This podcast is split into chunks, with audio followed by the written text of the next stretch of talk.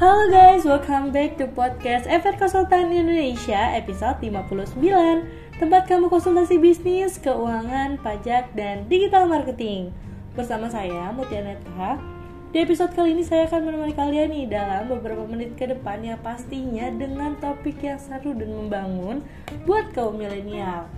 Are you ready to be a billionaire at LH? Pastiin kamu dengerin sampai selesai ya.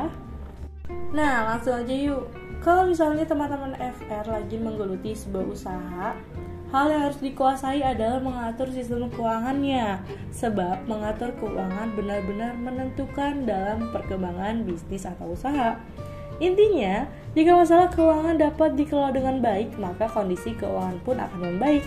Gak jarang loh sebagian pengusaha atau pembisnis justru masih mencampur adukannya. Langsung aja yuk kita bahas. Nah, bagaimana sih cara mengatur keuangan usaha? Kesalahan dalam mengatur keuangan usaha akan menyebabkan keuangan usaha sulit untuk dikembangkan.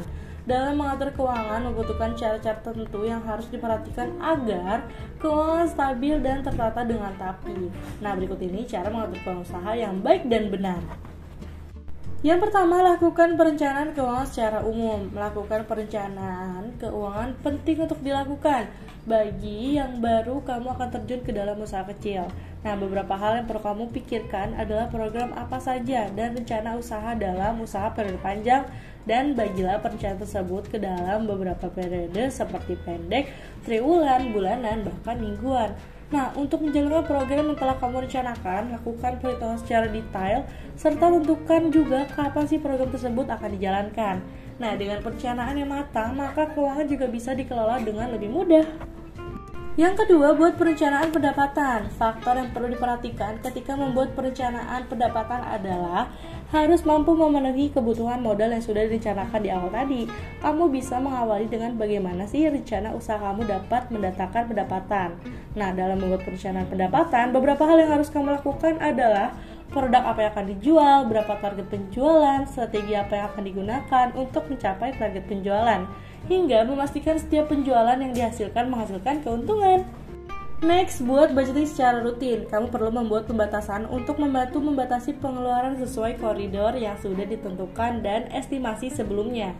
Dengan cara membuat budgeting secara rutin, lakukan budgeting secara keberkesinambungan setelah kamu menyusun anggaran untuk periode ini. Dalam membuat budgeting, sesuaikanlah dengan kondisi dari periode yang bersangkutan agar memiliki gambaran yang lebih baik dari yang sebelumnya.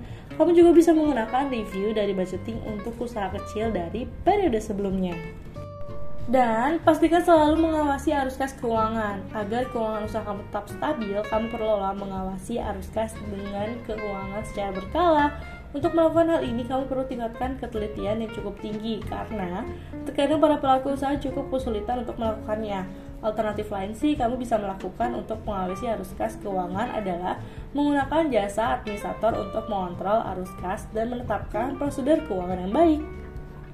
Dan yang terakhir, kamu bisa gunakan laba untuk mengembangkan usaha. Keuntungan dari usaha yang kamu dapatkan perlu dipergunakan secara bijak.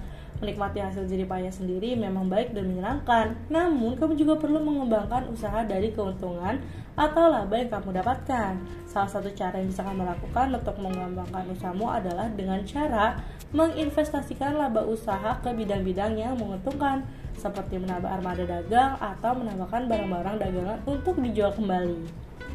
Nah, jadi penjelasan tadi itu untuk kamu yang mau terjun ke dunia bisnis atau mungkin bisnis kamu yang sudah mulai redup. Jadi itu coba perhatikan catatan keuangan apakah sudah stabil atau tertata rapi. Nah, kalau belum, kita harus memperhatikan poin-poin yang sudah tadi aku jelaskan. Gimana nih pembahasan episode kali ini? Thanks banget by the way buat para teman-teman Gen Z yang udah dengerin sampai akhir di episode 59 mengenai bisnis kamu bangkrut. Coba perhatikan catatan keuangan apakah sudah stabil dan tetap rapi. Nah, untuk mendapatkan lebih banyak tips dan trik tentang bisnis, keuangan, pajak, dan digital marketing, kalian pantau terus ya podcast FR Konsultan Indonesia dan tunggu update-annya di Instagram at Konsultan Indonesia.